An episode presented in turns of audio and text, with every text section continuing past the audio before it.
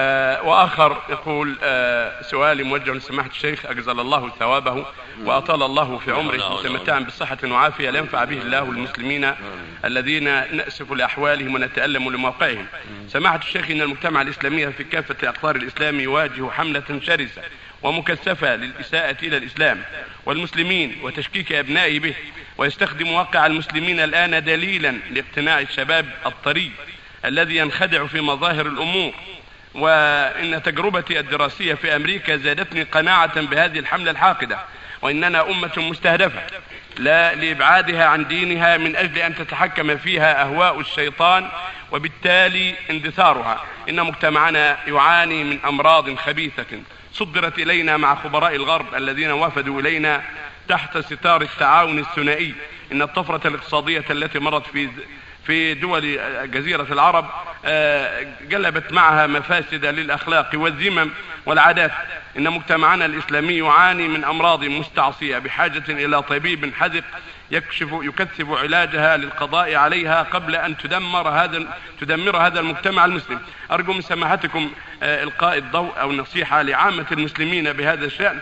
وإذا تروا وإذا ترون تخصيص إحدى الندوات عن هذا الموضوع موضوع معالجة الأمراض التي يعاني منها مجتمعنا الإسلامي. بارك الله فيك بارك الله. هذا أمر معلوم يا أخي وهذا في الحقيقة شيء يشهد كل من عرف العالم وأحوال العالم وكل من سبر أحوال الناس اليوم في هذه البلاد وفي غيرها فإنه يعلم أن أعداء الله قد جمعوا جهاد جهودهم وقد عنوا عناية كبيرة بصد الناس عن دين الله والتلبيس عليهم وإلقاء الشبه عليهم في كل مكان. فهم لا يدخرون وسعا في التضليل والدعوة إلى ما هم عليه من الباطل وإلقاء الشبه على الناس سواء كانوا نصارى أو يهود أو شيوعيين أو غيرهم من أصناف الكفرة. ولكن هذا يوجب على أهل الإسلام مضاعفة الجهود ضد عدوهم. ما داموا مستهدفين ويعرفون هذا من عدوهم فالواجب أن يكونوا ضد هذا العدو وأن يجمعوا جهودهم ويتعاونوا في نشر الحق. وكشف الشبه ورد الباطل ودعوة الناس إلى الخير بكل نشاط وبكل قوة. والله جل وعلا يقول أحسب الناس أن يتركوا أن يقولوا آمنا وهم لا يفتنون.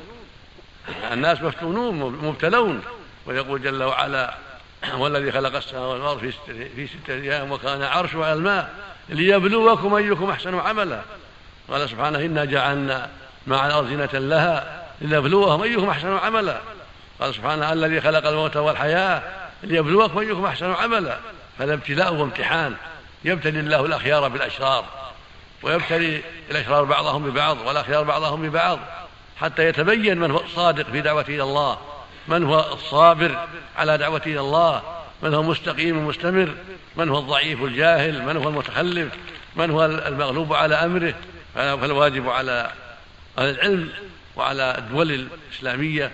وعلى كل من يستطيع بماله أو بعلمه أن يناصر الدعوة وان ينصر من دعا إليها وأن يعينه على ذلك بالمال والتوجيه والإشارة والشفاعة وغير ذلك. لا شك أن هذا أمر عظيم جدير بالعناية والجهود مبذولة فيه بحمد الله ونسأل الله ينفع بالأسباب.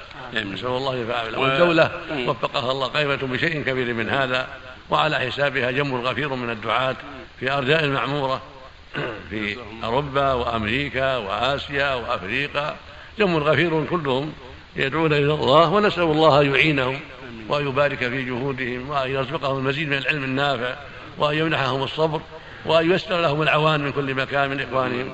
نسأل الله أن يمنحهم العوان الطيبين الذين يدعون إلى الله على علم وعلى بصيرة وعن إخلاص لله ورغبة فيما عنده سبحانه وتعالى. نعم